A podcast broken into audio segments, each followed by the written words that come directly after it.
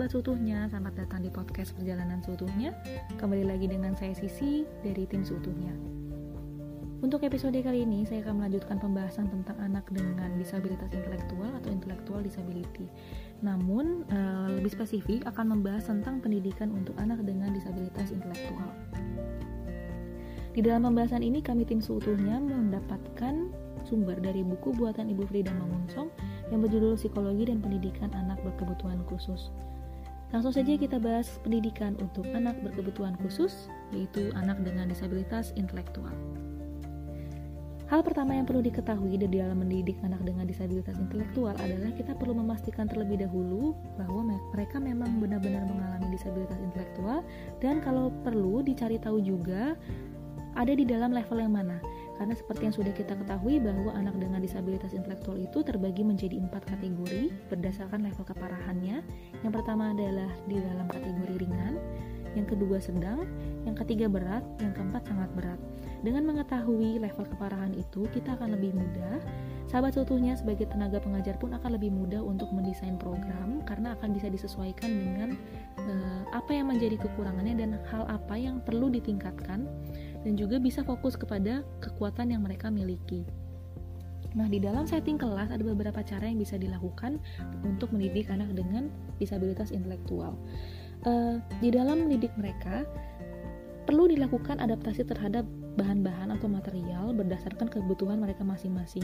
Misalnya untuk anak yang memang levelnya sangat parah, kurangilah mengajarkan mereka dengan e, melalui bacaan-bacaan atau mungkin e, yang levelnya adalah yang sifatnya adalah menggunakan keterampilan bahasa.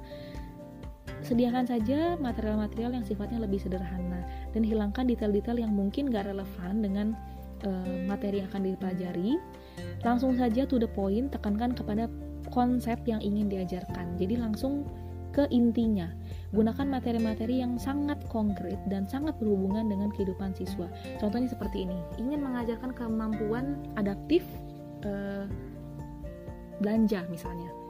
Untuk bisa belanja itu kan ada beberapa keterampilan yang perlu dimiliki. Di antaranya adalah keterampilan e, matematika, ya, keterampilan menghitung, sederhana, e, penjumlahan pengurangan, kemampuan untuk membaca, membaca instruksi, membaca label produk, ya, dan juga kemampuan berkomunikasi. Nah, untuk bisa mengajarkan mereka gunakan material yang memang sangat konkret ya dan juga yang sifatnya lebih ke lapangan yang related ke kehidupan sehari-hari mereka kalau memang mau mengajarkan mereka cara untuk berbelanja misalnya langsung dibawa ke supermarket misalnya seperti itu langsung didampingi oke okay. uh, eh, saat mereka uh, ingin membeli sebuah produk ya dikasih lihat bagaimana caranya melihat, memilih gitu. Namun e, bisa saja sebelumnya, sebelum melakukan praktek langsung seperti itu bisa juga dilatih terlebih dahulu kemampuan untuk misalnya membaca yang sederhana. Misalnya kemampuan membaca produk-produk atau mungkin e, dilatih juga kemampuan untuk menghitung sederhana atau mungkin diajarkan cara menggunakan kalkulator. Jadi e, keterampilan yang sifatnya lebih applicable di dalam mereka kehidupan sehari-harinya agar mereka bisa berfungsi secara mandiri. Nah, seperti contoh tadi berbelanja uh, ditemani juga di dalam mereka bayar produknya diajarkan untuk eh, menggunakan kalkulator untuk memasukkan jumlah uh, yang harus dibayar dan jumlah yang diberikan duitnya sehingga harus tahu kembaliannya berapa duit. Nah, cara-cara seperti itu akan lebih cocok untuk anak-anak dengan intelektual disability karena mereka meskipun mengalami kelemahan di dalam atensi, di dalam kemampuan bahasa, tapi mereka uh, akan mudah mengingat melalui cara belajar yang sifatnya lebih ke uh, praktek. Jadi uh, lakukan pendekatan dengan cara-cara yang uh, menarik dengan cara praktek kalau bisa dan juga uh, libatkan keluarganya, libatkan sekolahnya, libatkan uh, misalkan Anda adalah tenaga pengajar, libatkan uh, misalnya psikolognya mungkin atau terapisnya ya bisa dicari-cari datanya juga jadi uh, pendidikan untuk anak disabilitas intelektual ini memang benar-benar harus uh, menuntut peran dari semua orang di lingkungannya karena uh, itu akan mempermudah dan akan mempercepat mereka untuk bisa belajar di dalam kehidupan mereka sehari-hari. Dan yang perlu diingat di dalam kita mengajarkan anak dengan intellectual disability, kita perlu memberikan instruksi yang amat-amat sangat konkret dan juga satu persatu. Karena mungkin ini juga kendala, mungkin tantangan yang dialami oleh uh, kita sebagai orang dewasa atau mungkin tenaga pengajar atau mungkin uh, orang tua karena mungkin sudah terbiasa berbicara dengan orang-orang yang seusia akhirnya kita menggunakan kalimat-kalimat yang juga akan uh, yang tidak mungkin tidak terlalu jelas tapi bisa dipahami oleh orang yang seusia dengan kita. Dan kadang-kala kita sering juga lupa ketika kita berbicara kepada anak maupun anak reguler ataupun anak dengan disabilitas itu kita menggunakan kalimat yang uh, biasa kita gunakan kepada orang-orang seusia kita. Dan akhirnya itu uh, menjadi salah satu kendala buat mereka untuk mereka bisa belajar secara optimal.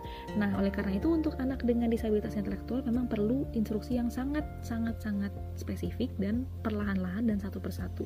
Sebagai contoh begini, misalnya ada seorang anak bernama hmm, Dodo, sebut saja Dodo.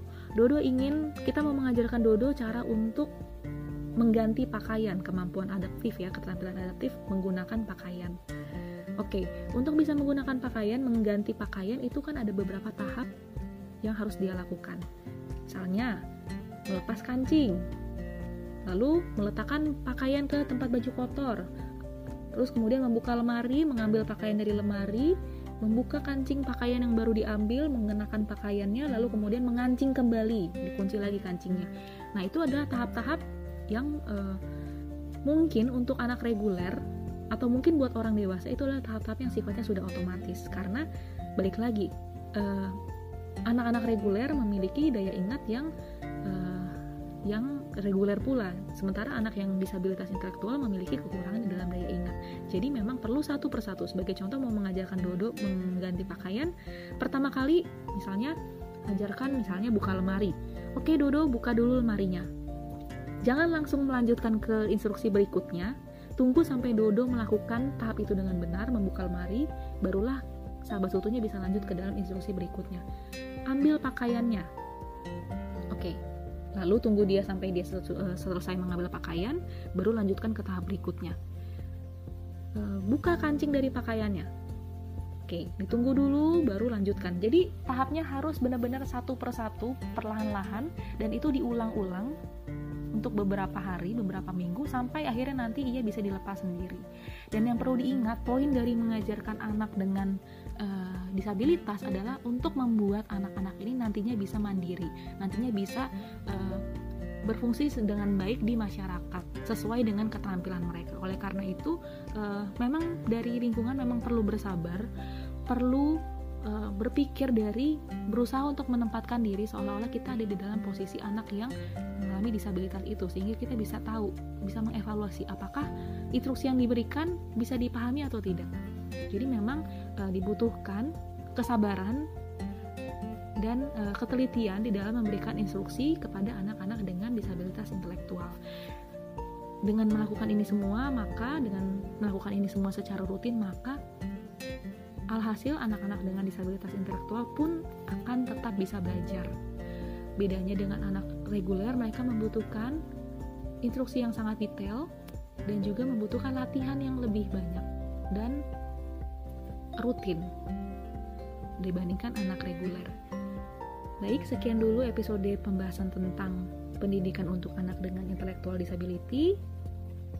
Terima kasih sudah mendengarkan podcast dari perjalanan seutuhnya. Perjalanan seutuhnya, know, learn, and apply better. See you.